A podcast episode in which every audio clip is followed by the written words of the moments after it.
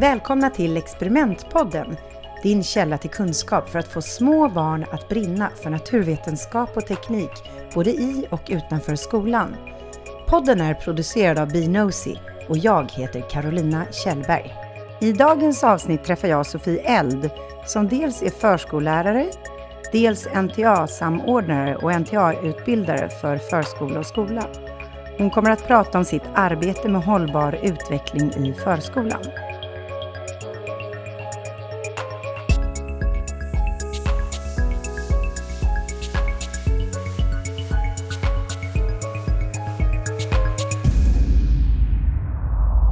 Hej Sofie, vad kul att du vill vara med i Experimentpodden. Hej och jag är jätteroligt att jag får vara med. Jag är jätteglad för att du kontaktade mig Carolina. Ja, och nu vill jag jättegärna höra lite mer om eh, dig. Vad har du för bakgrund? Eh, ja, eh, jo, jag är eh, i grunden så är jag faktiskt eh, gymnasielärare. Jag började att gå en utbildning på Umeå universitet som gymnasielärare. Där jag har då inriktningen barn och fritid. Eh, så att eh, mm. jag har utbildat eh, vuxna i barn och fritid i karaktärsämnen för att de ska bli barnskötare. Så det, det är mm. min första utbildning. Men sen har jag även läst in så jag är legitimerad förskollärare också. Ja, för du kände att du saknade den delen, eller hur, efter ett tag? Ja, precis. Eh, det stämmer. Jag började faktiskt min bana redan på gymnasiet och då gick jag det, det som hette barn och ungdom då.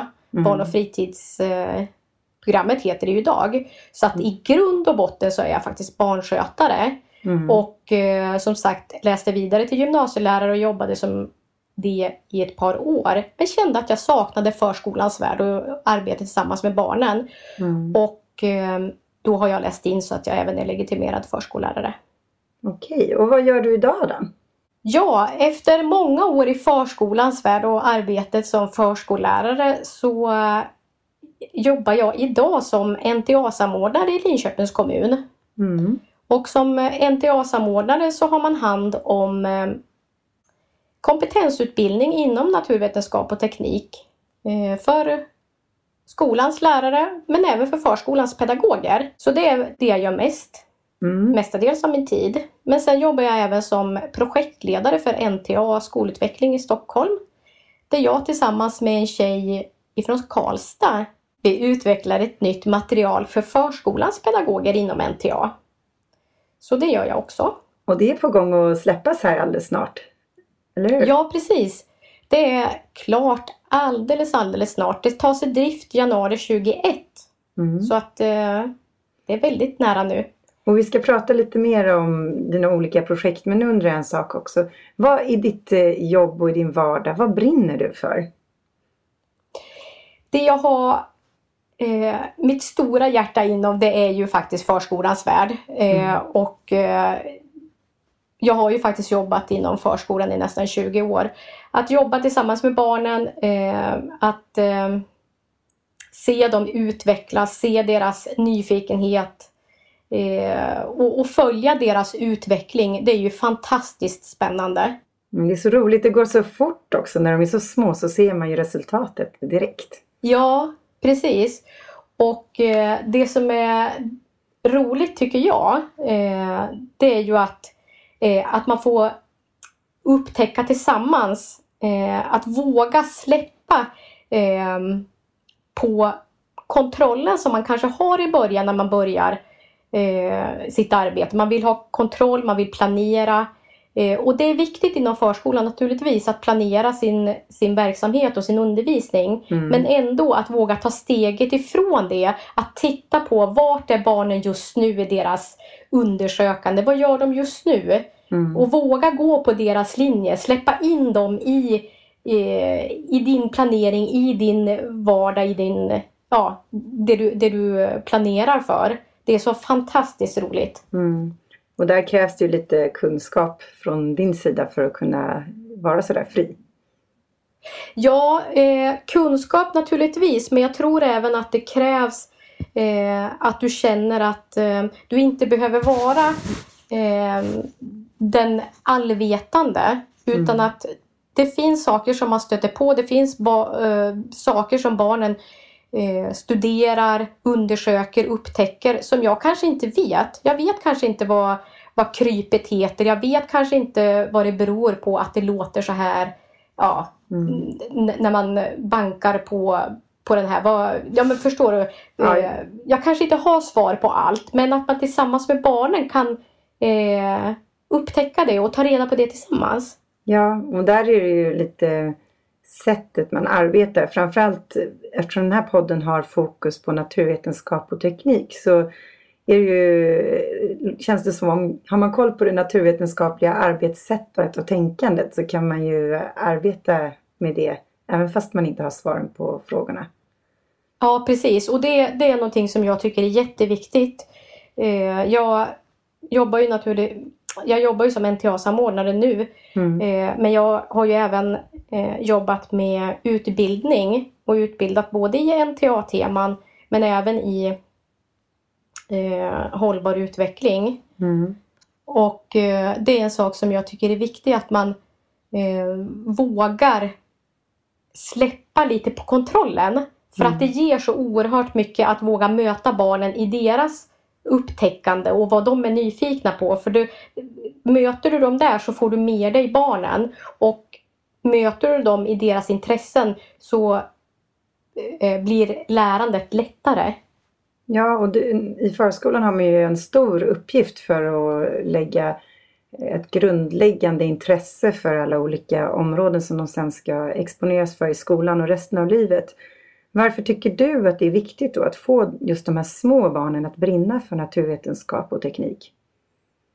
Lite grann var du inne på det nu i frågan där. Mm. Eh, för, ja, dels, dels handlar det om att naturvetenskap och teknik är ingenting man kan bryta ut och bara jobba med separat utan jag ser det som en helhet. Naturvetenskap och teknik det är ju en del av vår värld och vårt samhälle mm. och, och sammanhanget vi lever i.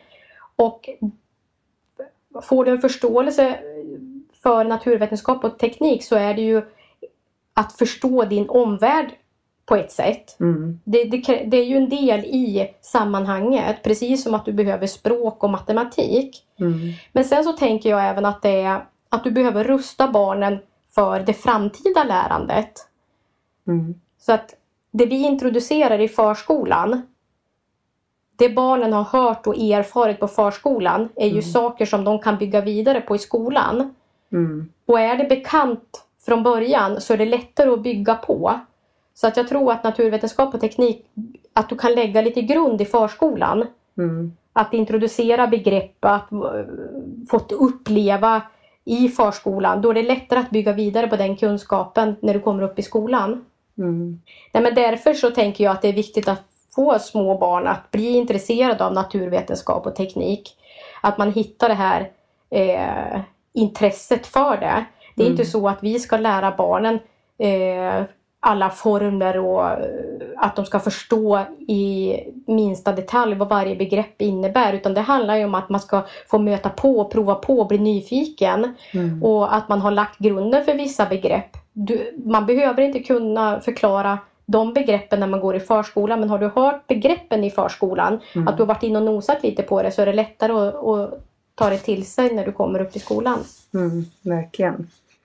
Men när du har på, du nämnde förut projektet Hållbar utveckling som du har arbetat med inom din kommun. Och vi har ju mm. glömt att prata om vilken kommun du arbetar i. Ja, just det. Linköpings kommun där jag arbetar i. Ja, kan inte du berätta lite om projekt Hållbar utveckling, varför det sattes igång och vad det innebär? Ja, det, jag kom in i projektet 2016 men det här var ett projekt som påbörjades under 2015 och det heter Hållbar förskola och skola. Mm. Och då var det så att kommunen hade sett att man behövde eh, förstärka vissa områden inom skola och förskola. Och då var det, var det bland annat inom hållbarhetsspektrat. Mm. Och då var det inte bara undervisningsdelen Utan det var även den fysiska miljön som man ville satsa på. Mm. Giftfri förskola, att man skulle rensa, rensa förskolan från eh, till exempel eh, plaster i förskolan. Alltså titta vad leksaker som finns i förskolan, vad är de tillverkade av och, och, och eh, eh att man skulle rensa ut det som inte var tillåtet. Mm, och i skolan så handlar det om Ehm, där kallar man det kemo, eh, kemikaliesmart skola och att man såg över vad det fanns för kemikalier på skolan och så vidare. Men sen var det då eh, undervisningens innehåll och det systematiska arbetet med hållbar utveckling och det var, det var där jag kom in i projektet. Mm. Vad har du gjort då, då i projektet? Här? Ja, alltså min uppgift i, i projektet då var att eh, utveckla en, eh, ett eh, material en lärarhandledning för förskolans pedagoger. Mm. Så, inom hållbar utveckling. Och då hade vi ett samarbete med Eva Erlemalm Hagser. Mm. Hon jobbar idag vid Mälardalens universitet. Hon är professor och forskare där. Mm. Och sen så hade vi ju ett eh, samarbete med förskollärare i Linköpings kommun. Och de var alla med och utvecklade materialet med dig, eller? Precis. Eh, så att eh, handledningen, den är uppbyggd så att det finns en del där det är faktatexter om hållbar utveckling. Mm. Och sen är det en del som, där det är eh, projektbeskrivningar. Det är olika projekt som beskrivs som förskollärare i Linköpings kommun eh, var med och tog fram då. De fick prova att jobba tillsammans med barnen eh, utifrån teman som vi hade tagit fram. Så att mm. projektbeskrivningarna är verksamhetsnära, de är utprovade av förskollärare. Mm. Och eh, det är för att visa på hur man praktiskt kan arbeta med hållbarhetsfrågor i förskolan. Mm.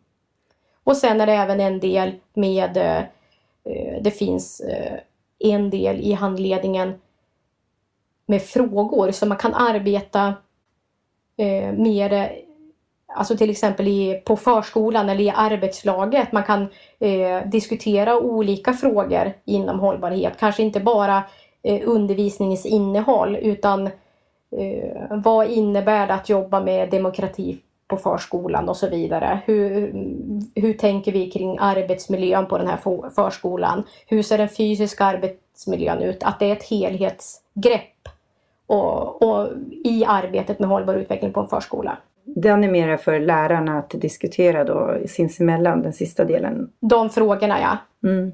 Men då undrar jag, vad kan ett sånt här projekt innebära rent konkret? Kan du ge något exempel på något?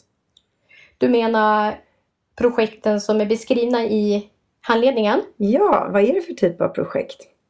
Ja, eh, ett projekt och jag gillar att ta det som, som ett exempel för att det är ett, eh, en projektbeskrivning av en eh, förskollärare som jobbar med de allra yngsta barnen på just den förskolan. Mm.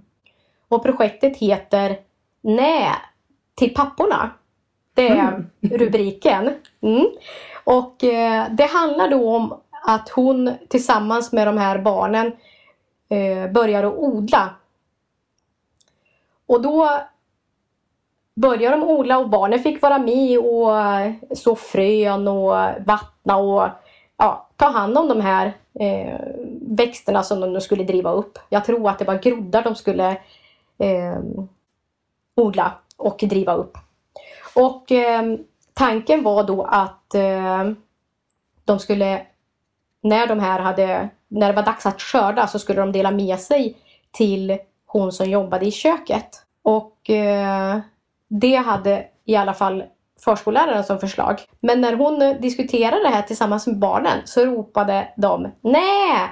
Till papporna! Då ville de att det här som de hade odlat, det skulle ju papporna få ta del av. Och så blev det.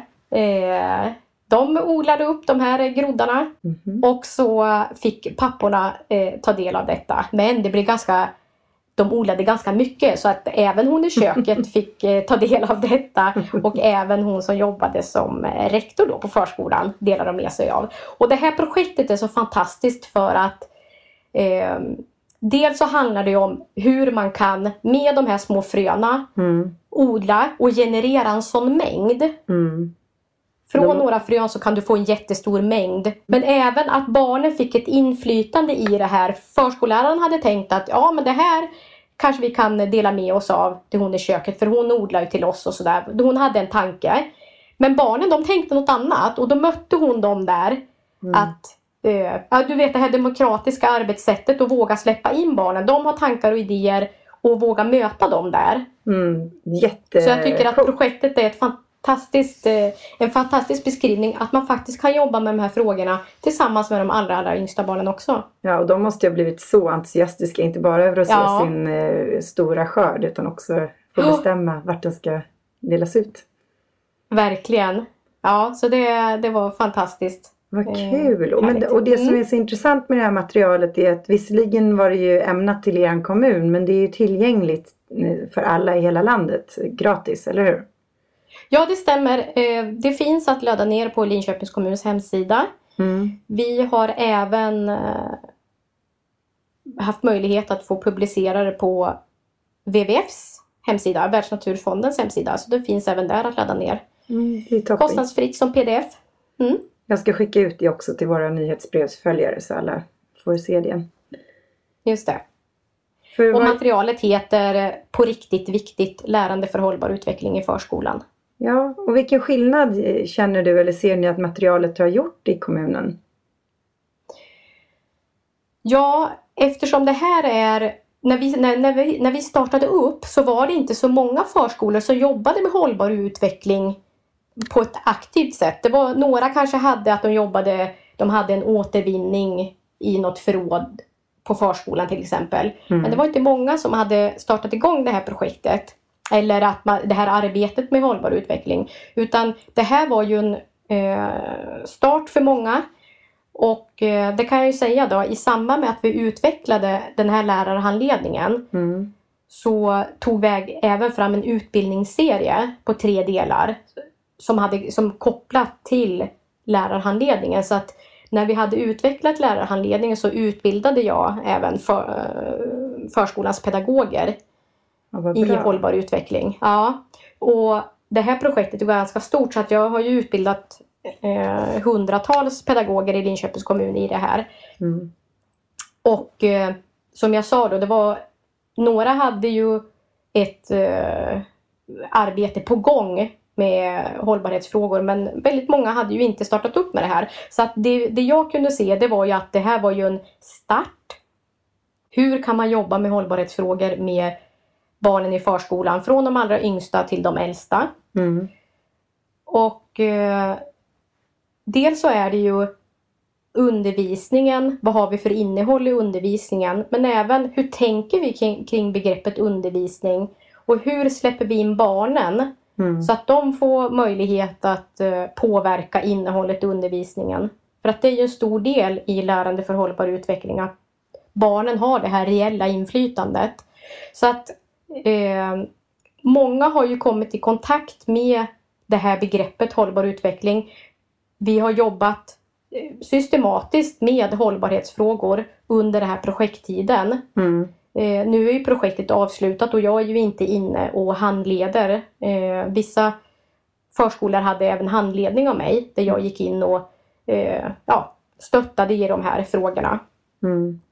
Men det, det var ju en eh, bra start för förskolorna i Linköpings kommun. Ja, men jag det förstår det. Och de måste ju Ja. också ha, nu kanske de när de har grunden lättare kan arbeta vidare själva. Precis, precis. Och det är ju en del i att eh, inte bara jobba med det eh, utifrån utbildningen utan att man även jobbar med det sys- systematiskt. Att man i sitt eh, systematiska kvalitetsarbete har fört in frågeställningar gällande hållbar utveckling så att man blir påmind om det. För så är det ju i ett förändringsarbete om man ska starta och starta igång med något nytt så måste man bli påmind om det. Annars är det lätt att man går tillbaka och faller tillbaka till det man brukar göra. Mm. Men eftersom vi startade upp det här och även eh, jobbade med, med det systematiska kvalitetsarbetet Mm. så är det många som även idag fortsätter att jobba med de här frågorna. Vad kul! Det är ju toppen. Ja, det är jätteroligt. Men då, det har varit roligt att höra lite mera om ert eh, hållbar utveckling i förskolan-projekt som hette något annat än just det. Ja, det, het, det hette Hållbar eh, förskola skola. Just det. Men mm. eh, nu vill jag också höra lite mer om ditt jobb eh, med NTA, naturvetenskap och teknik för alla.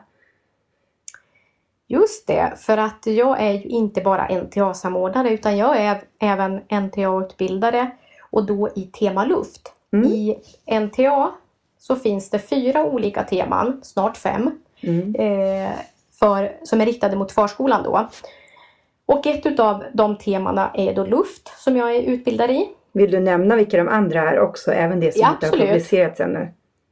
Precis. Det är vatten, luft, ljud och ljus. De fyra är det som finns idag för förskolan. Ja, och det som kommer, vad heter det? Teknik och hållbar utveckling. Mm. Du som är utbildare i NTA-temat luft. Jag skulle gärna vilja höra hur du kan få personal som inte känner till det här området så väl att lära ut om sånt de inte kan så bra. Där, där har jag eh, Min ingång brukar vara min, min egen resa inom naturvetenskap och teknik. För att jag själv har genom mina utbildningar inte kommit i kontakt så mycket med naturvetenskap och teknik.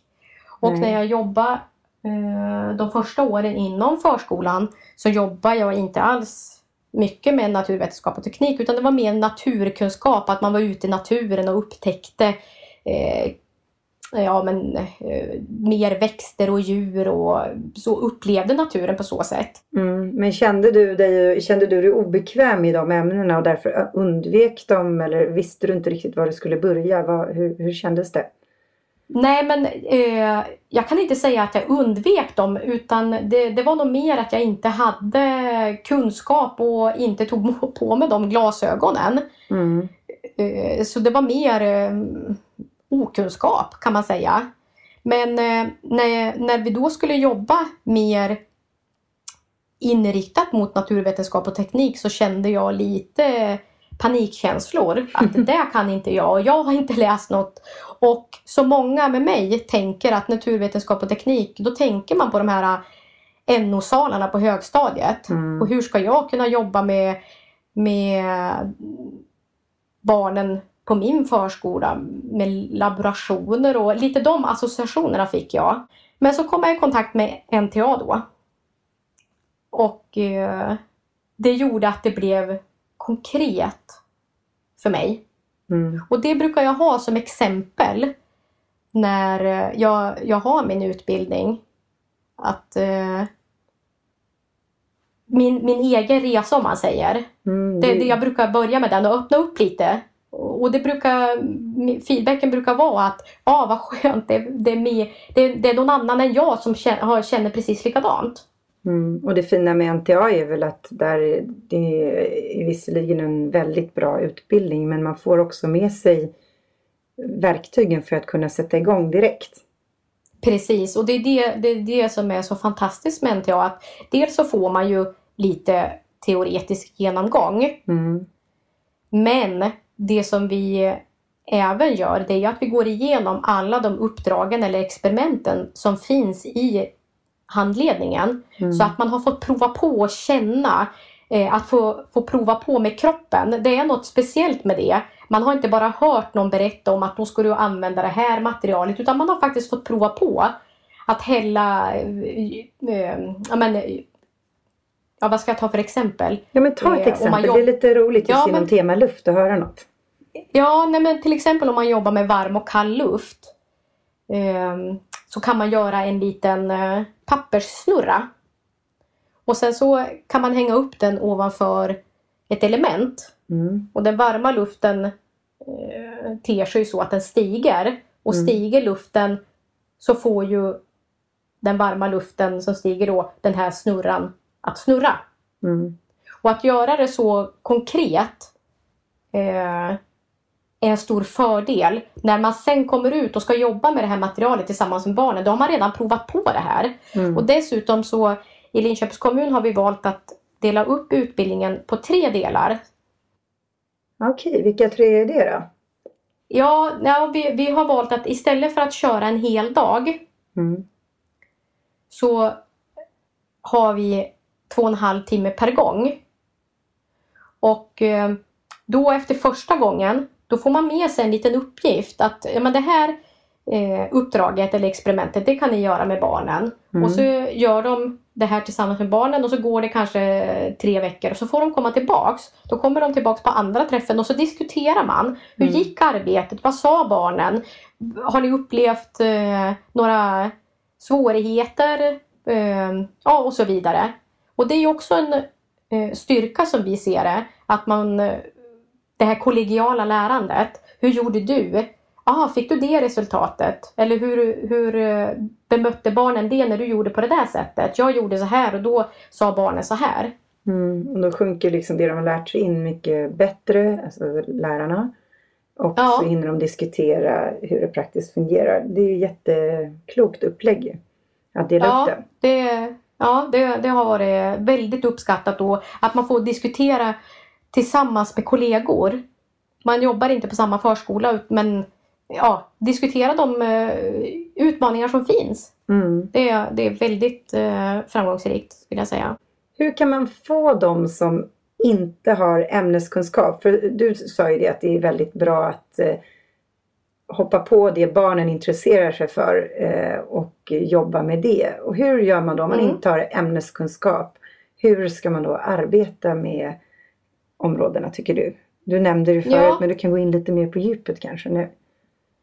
Ja, och så kan det vara att man inte har ämneskunskaper inom det området som man tänker sig arbeta inom. Mm. Men jag, jag tänker så här att det är viktigt att man tar reda på till exempel eh, naturvetenskap och teknik hade jag ingen kunskap om. Mm. Vilket gjorde att jag hade mina associationer till min egen skolgång. Mm. Eh, och jag har ett jättebra exempel på en kollega som jag jobbade med för några år sedan. Hon skulle gå en utbildning som heter Teknik i förskolan. Mm. Och det är en, ett utbildningsmaterial och en utbildningsserie som vi också har utvecklat i Lin- Linköpings kommun. Mm. Hon skulle gå den utbildningen och var jättenervös. För att teknik, det, det var så skrämmande, ungefär som jag kände. Mm. Och teknik, hur ska man kunna göra, arbeta med det med, med våra barn som vi har här i vår barngrupp och på den här förskolan.